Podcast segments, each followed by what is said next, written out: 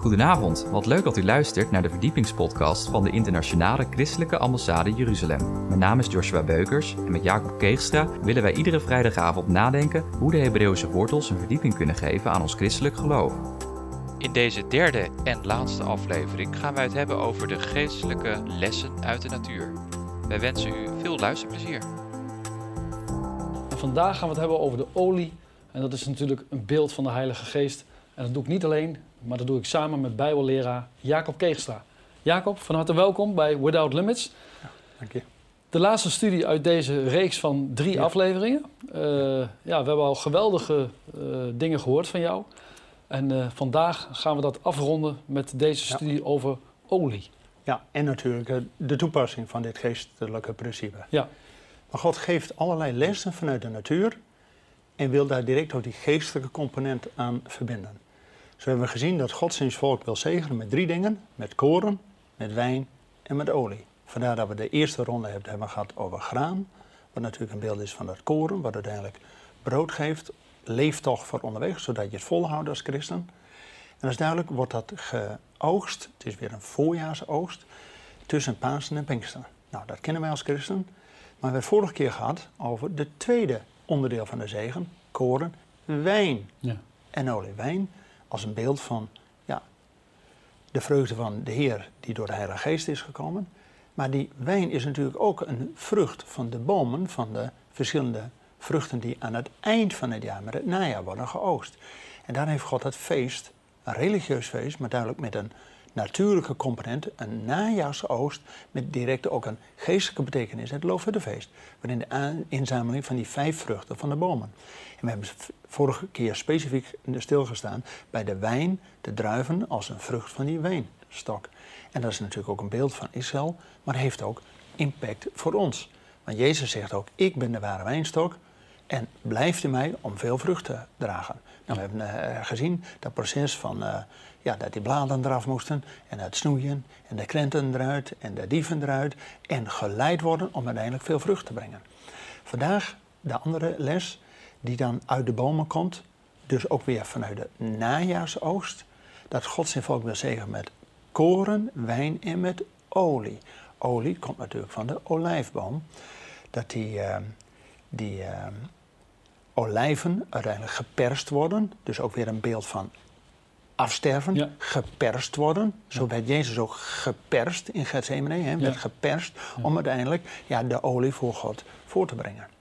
En dan eh, dat vind ik zo mooi dat er in Jezaja 9 staat er een beeld. Ook al is die olijfboom is een beeld voor Israël, maar ook al wordt die afgehouden, dan komt er toch weer een reisje uit zijn troon naar voren. Dat is natuurlijk een beeld van Jezus, die het nieuwe reisje uit de troon van Isaïe. Dat is altijd de tekst die we met lezen, Jezaja 9. Maar het mooie van dat verhaal, ik heb in Israël een keer een olijfboom gezien die helemaal afgehouden was. En er kwam inderdaad uit die afgehouden tronk weer een reisje naar voren.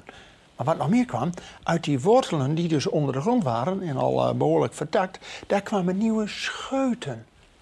En Het houdt niet op.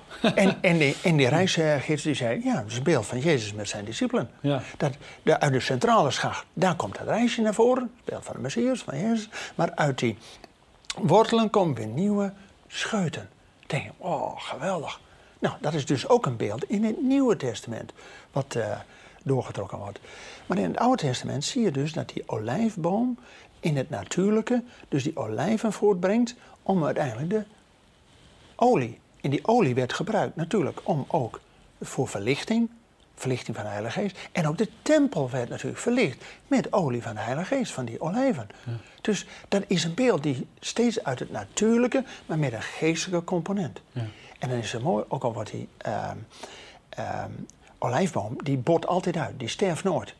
Als je een olijfboom uitgraaft en die eh, legt hem op elkaar en je wil hem vervoeren en je laat hem drie weken liggen, nou, dan denk je, nou ja, ieder andere boom zou verwelken en doodgaan, maar een olijfboom, zodra hij weer in de grond komt, gaat hij weer groeien. Ja. En- Net als het eh, volk Israël. Ja, ook al, en een olijfboom kan zelfs wel duizend jaar worden, zeggen ze. Nou, dat is natuurlijk ook een beeld van de rechtvaardigen zullen bloeien.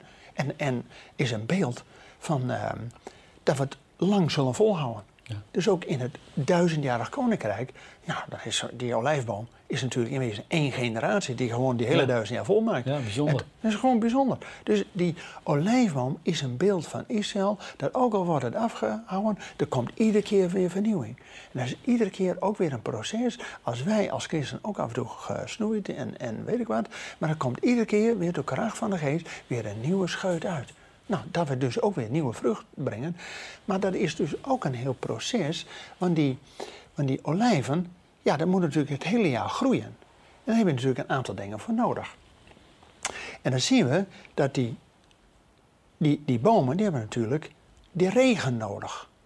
De vroege en de late regen. Zullen we daar eens een tekst over lezen? Ja. Wat de Bijbel daarvan zegt. Eerst uit het Nieuwe Testament, uit Jacobus. Jacobus 5, vers 7. Wat die landman dat moet doen. Jacobus 5, vers 7. Jacobus 5, vers 7. Ja. Daar staat, er staat boven geduld in het lijden. En dan vers 7 zegt... Heb dus geduld, broeders, tot de komst des Heren. Zie, de landman wacht op een kostelijke vrucht des lands en heeft geduld. Totdat de vroege en late regen erop gevallen is. En vooral die vroege en die late regen, die is heel erg van belang. Want eh, de regen is ook een beeld van de Heilige Geest. De dauw en de regen die nodig is om de vruchten voor te brengen. Zowel van koren als wijn als olie. Dus om uiteindelijk ook die olijven te krijgen, heb je dus de regen nodig. Die vroege en die late regen. En het gekke is, in de Bijbel komt dat een aantal keren naar voren. Als we bij de uitstorting van de Heilige Geest, met Handelingen 2, dat kennen we natuurlijk allemaal, hè? De, de toespraak van Peters Ja. met eh Pinksteren. Dan ehm, heeft hij direct, eh, ja, jongens, maar eh, dit is gewoon vervulling van de profetie van Joël. En dat daarna zal het geschieden dat ik mijn geest zal uitstorten Ja. op alle vlees. Ja. En de jongelingen zullen profiteren, de ouderlingen zullen visioenen zien. En nou jongens, het is gewoon vervulling van de, de profetie van Joël. Ja, want sommigen zeggen dat moet nog gebeuren. Maar dat is al gebeurd. Dat is al gebeurd, maar die heeft een tweevoudige vervulling in Joel. Maar als je de tekst uit Joel 2 s- s- leest, dan staat er... Daarna zal het geschieden dat ik mijn geest zal uitstorten. Nou, dan denk je, wat gebeurde dan daarvoor? Dat de leraar der gerechtigheid wordt gegeven... en die zal de vroege en de late regen geven. Nou, de vroege regen is dus direct met want de leraar der gerechtigheid, Jezus, met Pasen moest eerst komen. Dus Pinksteren kon pas gebeuren als Pasen voorbij was. Logisch. Dus Pinksteren is de eerste vervulling van die profetie van Joël. Hè, wat Peter zegt, ja, dat is gewoon vervulling van de profetie van Joël. Maar als je de tekst leest, dan staat er een tweevoudige vervulling. Maar die eerste uitstorting van de Heilige Geest, moet eens kijken. Petrus en de zijnen, die werden door de Heilige Geest van discipelen tot krachtige apostelen. En die eerste generatie discipelen hebben met het evangelie de toenmalige wereld bereikt. Ja, natuurlijk, de Heilige Geest werkte krachtig. En want Petrus begon in Jeruzalem, is uiteindelijk tot Rome gekomen. Paulus begon ook in eh, Jeruzalem, Klein-Azië, en is uiteindelijk tot Spanje gekomen. Thomas is uiteindelijk tot India gekomen en de Kamerling die ging weer terug naar Ethiopië. En de rest van de discipelen was er tussenin. Met andere woorden, de toenmalige bekende wereld, het hele Romeinse Rijk, is met één generatie door de kracht van de Heilige Geest met het evangelie bereikt. Ja. Dat is toch geweldig? Ja. Alleen, de laatste apostel, Johannes, is op Potmas rond het jaar 100 overleden. En toen was het net was het wat indutte. En in de theologie wordt notabene gezegd, dat is een streeptheologie. Want de Heilige Geest was niet meer krachtig aan het werk. Die grote tekenen zoals met Paulus en met Petrus waren niet meer. Ja, dat was voor toen, zeggen ze dan. Dat was voor toen. Ja. Maar het gekke is, ze hebben niet gelezen. Wat, wat er in Joel staat, dat er de vroege en de late regen. En het mooie is, de Bijbel verklaart zichzelf. Want als we één Bijbelboek eerder lezen, in Hosea hoofdstuk 6, de eerste drie versen, daar wordt precies uitgelegd wanneer die vroege en die late regen is. Zullen we dat lezen? Hosea 6, de eerste drie versen. Ja, daar staat... Komt, laat ons wederkeren tot de Heere, want Hij heeft verscheurd en zal ons helen. Hij heeft geslagen en zal ons verbinden. Hij zal ons na twee dagen doen herleven. Ten derde dagen zal Hij ons oprichten en we zullen leven voor Zijn aangezicht. Ja, wij willen de Heere kennen en najagen Hem te kennen, zo zeker als de dageraad is zijn opgang. Dan komt Hij tot ons als de regen, als de late regen die, die het land besproeit. Ja, amen. Dus de Bijbel verklaart zichzelf. Wanneer komt nou die late regen? Staat, hebben we net gelezen in Hosea 6, na twee dagen ten derde. Ja. Nou, en dat is vandaag. Schrift met schrift vergelijken. Diezelfde Peters van Handelingen 2 met Pinksteren, die zegt op het eind van zijn leven, in de brieven, de 1 en 2 Peters, zegt hij, dit moet hij niet vergeten. Aangaande de wederkomst van Christus, dat één dag bij de Heer is als duizend jaar Ja. en duizend jaar als één dag. Dus schrift met schrift verklaren betekent na twee dagen, dus na 2000 jaar, ten derde. En we leven nu 2000 jaar na Jezus inmiddels in het derde millennium. Ja. Dus de Bijbel spreekt over deze tijd. Ja. Jezus kon niet terugkomen bij de eerste ronde, want de Heilige Geest moest eerst uitgestort worden met de eerste vroege regen. Maar nu zien we na 2000 jaar dat God krachtig aan het werk is. En dan denk je wel eens, in Europa, ik zie daar niks van. Maar als we zien dat God vanaf de vorige eeuw, in 1902 in Ierland, een krachtige opwekking. In 1903 in Schotland, een krachtige uitstorting van Heilige Geest. In 1906 in Pyongyang, Noord-Korea, een krachtige uitstorting van Heilige Geest. Dan denk je, Noord-Korea? Ja, want in 1956, met de Korea-crisis, heeft Rusland Noord-Korea bezet en Amerika heeft Zuid-Korea bevrijd. Waar die bij elkaar kwamen was de grens. En Pyongyang ligt net in Noord-Korea. Dus de christenen daar, die mogen niet eens naar de hemel kijken. Die mogen gewoon in de bak. Maar 40% van hun export wordt door christenen in de bak geproduceerd. Hè? Maar in Zuid-Korea zijn de grootste kerken ter wereld. Die, kerk, die ene kerk van Yom Shoal, 800.000 mensen. Die kunnen niet eens in één kerkgebouw. Ja. Dus die hebben acht keer of tien keer dienst op een zondag. Dus die komen beginnen gewoon s ochtends 8 uur, 100.000 erin. Na een uur gaan die naar de koffie en dan de volgende weer eh, verder. Zo gaat het hele dag door. En als je dan een bidstond hebt, ben je niet alleen. Dan denk je, wauw. Nou, nu, dat was 1906. 1907 heeft God een krachtige uitstorting van de Heilige Geest in Azusa Street, Los Angeles. bekend. Door een blinde voorganger heeft God 3,5 jaar krachtig gewerkt. Nu zijn daardoor, door die ene opwerking, wereldwijd 850 miljoen evangelicals. En het vuurtje is nu naar Brazilië en Zuid-Amerika overgeslagen. Per uur wordt er in Brazilië, 24 uur per dag, 7 dagen in de week, jaar in jaar uit, per uur van de dag wordt er een kerk geopend. Jongen. Dat is aan die kant van de wereld. De andere kant is inmiddels ook China. 1,3 miljard Chinezen. Ja. Er zijn slechts 70 miljoen lid van de communistische partij. Maar er zijn inmiddels al 130 miljoen christenen. Wauw. Straks komt India aan de beurt. Want er er ook nog 1,1 miljard. En dan de Arabische wereld. En dan zijn we back to Jeruzalem. Want het kan natuurlijk niet zo zijn dat wanneer Jezus terugkomt... en al die volken voor zijn troon zijn... dat er dan één volk zegt... nou, leuk dat u er bent. Maar wie bent u? Dat kan natuurlijk niet. Dus de Heilige Geest, die duizend jaar werk heeft gehad... om Europa een beetje eh, zeg maar, tot christendom te krijgen... met Columbus is het naar eh, Amerika gegaan. Inmiddels de Pacific... En nu is China aan de beurt. Het gaat back to Jerusalem. En dat heeft alles te maken met de vervulling van die profetie van Joel. Die aangekondigd is in Hosea 6. Ten twee, na twee dagen ten derde. Heeft natuurlijk altijd iets ook met Jezus. Want wat had Jezus ook alweer met die derde dag te maken? Dat was toch ook de dag van de opstanding, van het herstel. Jezus is opgestaan tot herstel van ons met de Vader. En nu, na 2000 jaar, in het derde millennium, dus dat is nu hè, zien we een krachtige uitstorting van de Heilige Geest. En dat betekent ook, niet alleen voor de volkeren, maar ook over die vijgenboom, hebben we vorige keer gehad, beeld van Israël, die wijngaard van Israël, dat weer hersteld gaat worden. Dus we zien ook dat God krachtig aan het werk is bij het volk van God. 1948, na 2000 jaar, Israël weer geplant in zijn eigen land. Ja. 1967, Jeruzalem. Maar na 73, het debakel van de Yom Kippur-oorlog, dat mensen dachten, oeh, wat gebeurt hier allemaal? Toen gingen Joden op zoek naar de waarheid. En dan kende Messiaanse voorganger, die las Matthäus 1. En ik denk, nou, de geslachtslijn van Jezus, 100% Jood. Nou, ik denk, nou, dan hoor ik er ook bij. En toen las hij Handelingen 2, hè, de eerste gemeente, 100% Jood. En het slot van die prediking van, eh, van, Paulus, eh, sorry, van Petrus, Handelingen 2, daar staat er dat door de opstanding heeft God Jezus tot Heer en tot Christus gemaakt. Tot Curios en tot Messias. Nou, betekent dat hij de Heer is, de koning, maar hij is ook de Messias.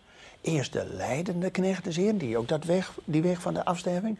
Maar ook dat hij als de Messias, de verlosser die uit Sion gaat komen. Mensen, dit spreekt over nu. Betekent dat we nu in spannende tijden zitten. Dat Jezus spoedig gaat weerkomen. Want Jezus kon in de middeleeuwen niet terugkomen. Waarom niet? Omdat de Heilige Geest nog niet die late regen, die tweede uitstorting is geweest. Maar nu gaat dat rap.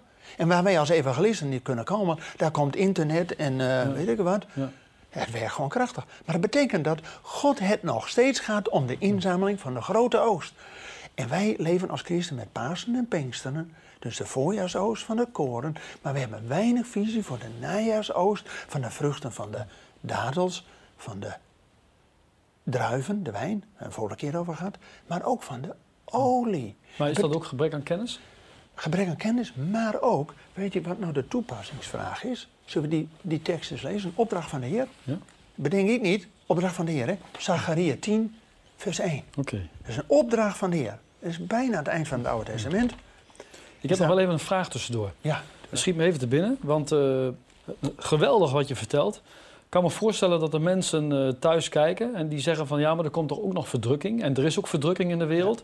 Maar is het misschien daarom dat ook juist de geest krachtig werkt? Hè, zodat ondanks die tegenstand die er ook is, hè, toch ook nog heel veel mensen tot geloof kunnen komen.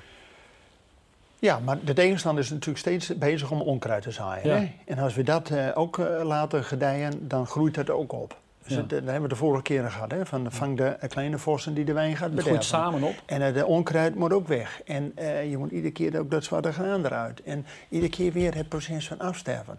Dus dat is iedere keer weer je voeten aan de bron, het woord van God, en geleid worden door de geest. En nu de geest duidelijk wereldwijd aan de gang is, denk je, weet je, nou, de, de opdracht van ons. Zullen we die tekst lezen? Ja. Zacharia 10, vers 1. En daar staat... Vraagt de Heere regen ten tijde van de late regen. De Heere maakt de bliksemschichten. Een stortregen zal hij hun geven voor iedereen gewas op het veld. Ja, dat is toch geweldig. Ja. Met andere woorden, dat veld is nu de akker, is de wereld. En dan gaat God om de vruchten. En God zegt ook, bid om regen Ten tijde van de late regen. Ja. Nou, de Bijbel hebben we net gelezen, Hosea 6.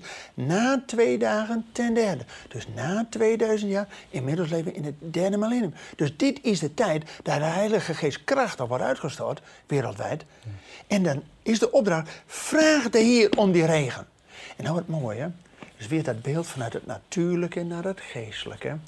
Als Israël vanuit Egypte naar het beloofde land gaat, dan zie je gewoon dat er iets verandert. Want in Egypte was de Nijl. Dat was gewoon de natuurlijke rivier, was waterzat. Ja. Dan hoef je niks voor te doen, dat was genoeg.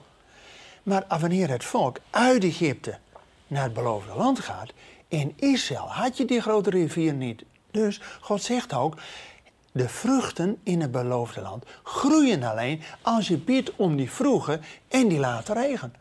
Dus juist als je uit de wereld, uit de duisternis, in het beloofde land, in het koninkrijk van God bent, christen bent, dan wint het nooit. Met andere woorden, het is nooit een natuurlijk iets, ach, het komt wel, die, neem, die Nijl blijft volstromen. Nee, je moet bidden om die regen. Dat is dat van God komt, vanuit de hemel komt.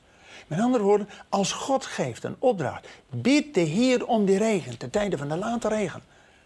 Dat is natuurlijk voor de vruchten, voor de late inzameling van de van die vruchten van de bomen. Die hebben die late regen nodig, want anders uh, groeit er gewoon niks.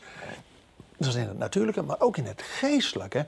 Als God nu krachtig die uitstorting van de Heilige Geest geeft, zeg God, bid dan ook om die vervulling met de Geest. Nou, dat betekent dat God ook herstel geeft in de gemeentes van de vijfvoudige bediening, van de gaven van de geest, van de geest van wijsheid en van kennis. Ja. En het beeld van die menorah die in de tempel staat en op olijfolie brandt, als een beeld van de Heilige Geest. Daar staat ook in Jezaja, is een, is die, die menorah is dus een, de geest van wijsheid en verstand, van raad en sterkte, van kennis en vrezen des Heer. En die centrale schacht is de Heilige Geest. Ook als Jezus de eerste preek in Nazareth heeft, Jezaja 61, de geest des Heeren is op mij, om alles te doen. Ja lammen laten lopen, het evangelie te verkondigen en het wel aangename jaar des Heeren te verkondigen. Dus het jubeljaar. Nou, Jubeljaar, dat betekent dat het feest is. En ook wij als christen, dat we meewerken, net als die landman die geduld heeft tot de vroege en de late regen. Want het gaat God, de landman, uiteindelijk om de grote oost. Dus God heeft geduld tot ook die late regen van een geest gevallen is en dus vrucht gaat voortbrengen. Dus dat betekent dat het nou spannend wordt. Hè? Gaan wij meewerken in het plan van de Heer om die inzameling volledig te krijgen? Of laten we het afzakken in die dertigvoudig is ook wel genoeg? Nee, we gaan 30, 60, gaan om honderdvoudig vrucht. We hebben nu een paar keer het al gehad over dat we geestelijke lessen uit de natuur, hè, zowel met koren, met wijn als met olie. Maar op één terrein draait het precies om. Dat dus niet het natuurlijke als voorbereiding is voor het geestelijke. Dus op, in vruchten is dat iedere keer eerst het natuurlijke, dan het geestelijke. Zelfs ook Jezus zegt, het nu natuurlijke lichaam wordt gezaaid, afsterven, en het geestelijke, verheerlijke lichaam wordt geoogst. Maar op één vlak draait het om.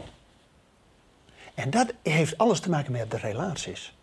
Dat is al in Genesis, waar God zegt: de man zal zijn ouders verlaten. zijn vrouw aanhangen. Zijn vrouw aanhangen, dus vooral geestelijk. Denk, oh, mooi. En ook dat hij geestelijk één is met haar. En dan pas één vlees zijn, dus ook natuurlijk. En als je dat omdraait, krijg je verkeerde relaties. Want juist ook sommige mensen die denken van, oh, als ik eerst maar een lichamelijke relatie heb opgebouwd, nou, dan komt het geestelijke daarna wel. Niks ervan. De Bijbel zegt al vanaf Genesis, de man zal zijn ouders verlaten, dus het oude wegdoen, zal zijn vrouw aanhang geestelijk één met haar zijn. En dan pas ook één vlees zijn natuurlijk. Ja. Dus op dat vlak alleen draait het om. Maar er zit dus iedere keer, zit er dus vanuit de Bijbel, een verband tussen het geestelijke en het natuurlijke. En de Bijbel geeft eerst natuurlijke als voorbereiding voor het geestelijke. Maar de tegenstander van God, want dat hebben we ook iedere keer gezien, de tegenstander van God kent dat principe ook. Wij als christen weten het vaak soms nog niet eens, maar de tegenstander heeft het beter door. Want het gekke is, voordat Israël het beloofde land in gaat, komt die koning Balak en die huurt Biliam in om het volk te vervloeken. Dus geestelijk naar beneden te drukken. En later met koning David, voordat hij koning werd, dan had je de koning Saul en die werd oh bang door Goliath. Want Goliath die wist, dus die vijand, die wist, als we dat volk nou iets maar geestelijk murf maken, gewoon door scheld en de vloeken en weet ik wat, ja. geestelijk murf maken. Intimideren. Intimidatie, nou dat zie je tegenwoordig ook. Hè. De, de, de, duivel heeft geen andere tactiek om alleen maar te verdraaien, te manipuleren en angst in te boezemen. Nou, en die Goliath, hè, om alleen maar te manipuleren. En de angst in te boezemen en geestelijk murf te maken. Nou, dat hele volk van Israël is dit. Totdat David zegt, hallo, je kunt me wat. Ja. In de naam des Heren ga ik naar je toe. En toen slingerde hij die steen. Maar eigenlijk was niet die steen, maar het woord van God, dat was die steen. Ja. Natuurlijk, je kunt er ook aan verbinden, dat was natuurlijk Jezus Christus. Hè? Dat, was, dat splijt dwars doorheen. Het woord van God splijt van één geest en, en wijn. Dus, dus de, al die lessen zitten Maar dat betekent toch dat de tegenstander vaak veel beter doorheeft dan wij. Dat wanneer mensen geestelijk murf zijn, ben je lichamelijk natuurlijk niet in staat tot groei. En je bent eigenlijk lam gelegd dan. Nou, net zo tegenwoordig. Eh, de grote boxers, ja, ik hou niet zo van boksen. Maar die boxers doen precies hetzelfde. Voordat ze de match hebben, een dag van tevoren, hebben ze een soort uh, interview. En dan gaan ze elkaar gewoon een beetje ja. uitschelden. Gewoon een beetje geestelijk intimideren. Hè? Oh, ik ben lekker heel groot en sterker ja, en uh, een watje. en als je iemand maar gewoon ledig... En, maar dat zei Hitler ook al. Als je de leugen maar honderd keer vertelt, dan ga je er vanzelf in geloven. dus als je geestelijk maar honderd keer de leugen vertelt, nou, het volk van God heeft op een gegeven moment geen weerwoord. En dat onkruid, dat gaat ook groeien. En dan denk je, ja jongens, daarom moet je iedere keer weer het oude radicaal weer doen. Ik zeg altijd, als een tactiek van Satan. Hè? Als je iets maar vaak genoeg hoort of ziet, raak je er vanzelf aan gewend.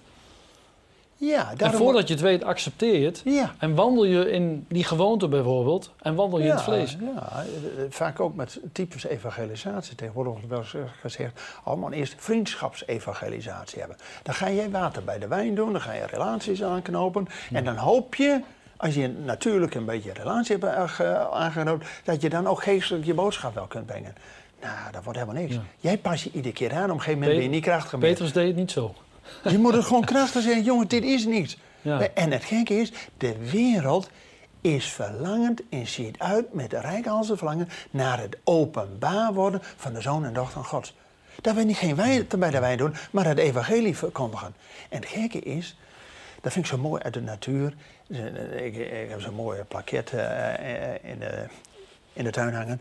En de boer, hij ploegde voort. Nou, is voor mij zo'n beeld uit de natuur. Als we, en dan zegt Jezus ook, als je het evangelie wilt verkondigen, in het plan van de Heer wilt zijn, moet je niet steeds terugkijken, maar vooruitkijken naar het doel. Naar de roeping Gods die van boven is. Want als je het evangelie wil verkondigen en je kijkt alleen maar terug hoe mooi het toen was, en hoeveel uh, rijkdom en hoeveel goed dit in je vorige leven had, ja, dan verlang je weer terug naar het oude. Dat is net zo, de Bijbel zegt ook, als een, als een varken gewassen is, maar die verlangt weer terug naar de modderbol. Nee, als wij gewassen zijn, het bloed van een lam, we hebben een eerder eerste keer gehad, Titus 3 vers 5, en het badwater der wedig worden, het oude wegdoen en vernieuwd worden door de heiligheid, dan hebben we maar één doel, naar de roeping die van boven is. En dat is dus ook bidden dat die Heilige Geest, die regen, die vroege en die late regen van God komt, zodat wij ook in zijn plan verder gaan. En dus uiteindelijk het gaat om die inzameling. En dan zie ik jou eigenlijk denken, wat heeft dit nou voor ons te, te betekenen? Hè? Wat is nou de toepassing van zo'n les? Nou, kijk, het gaat God om die inzameling. En dat wij uiteindelijk allemaal ook voor de rechte stoel van God komen. En van Christus. En God zegt ook, bid om arbeiders in de oogst. Ja. Want oogst is er wel, maar arbeiders zijn er weinig. Ja, dat zegt de Bijbel. Dus de Bijbel zegt, bid om arbeiders in de oogst. Maar als we dan werkelijk gaan arbeiden in die oogst, betekent dat we niet terug moeten kijken, maar vooruit. En dat hebben wij maar één ding te doen, dat wij betrouwbare knechten zijn. Want wanneer de Heer afrekening gaat doen met zijn slaven in de inzameling van de ooster is, dan zegt hij, bent gij getrouw geweest. gij goede en getrouwe slaven. Gij goede en getrouwe dienstknecht. Over weinig zijt getrouw geweest, over veel zal ik u stellen. Ga in tot het feest. Van die, en feest is dus het loofhuttenfeest, de inzameling van al die vruchten van alles wat er is. Nou, dan is dus rijke oost en rijke olie en veel wijn en alles wat er is. Want Jezaja 25 zegt, de maaltijd des Heren, dat is niet zo'n klein beetje, maar dan is die koren, die wijn en die olie, is overvloedig. Zo'n God hebben we nou, hè? niet zo'n krenterig uh, klein beetje. En het gekke is, wij als Nederlanders letten zo op de kleintjes. Hè? Dan denken we, oh, zo goed hè. Oh, we letten op de kleintjes. Flauwekul. Als je karig zaait, zul je karig oogsten. En als je middellijk zaait, zul je middellijk oogsten. En, en het gaat God om de oost. Maar als we geen visie hebben voor de oost, ja, dan gaan we maar een klein beetje doen. Oh ja, laten we maar een klein beetje zaaien. Van, oh ja, en je weet nooit. Nee, flauwekul. Als we ervoor gaan, moeten we 100% zaaien en dan krijg je 101% vrucht. Amen. Nou, dat is toch de boodschap? Amen. Ja. Nou Jacob. Bedankt voor het luisteren naar deze verdiepingspodcast van de ICEJ. Waardeert u onze podcast? Steun ons dan met een donatie, abonneer u of deel deze podcast met uw vrienden of familie. Ga naar www.icej.nl. Volgende week gaan wij het hebben over het wekenfeest, een overvloedige oogst. Hartelijk bedankt voor het luisteren en tot volgende week.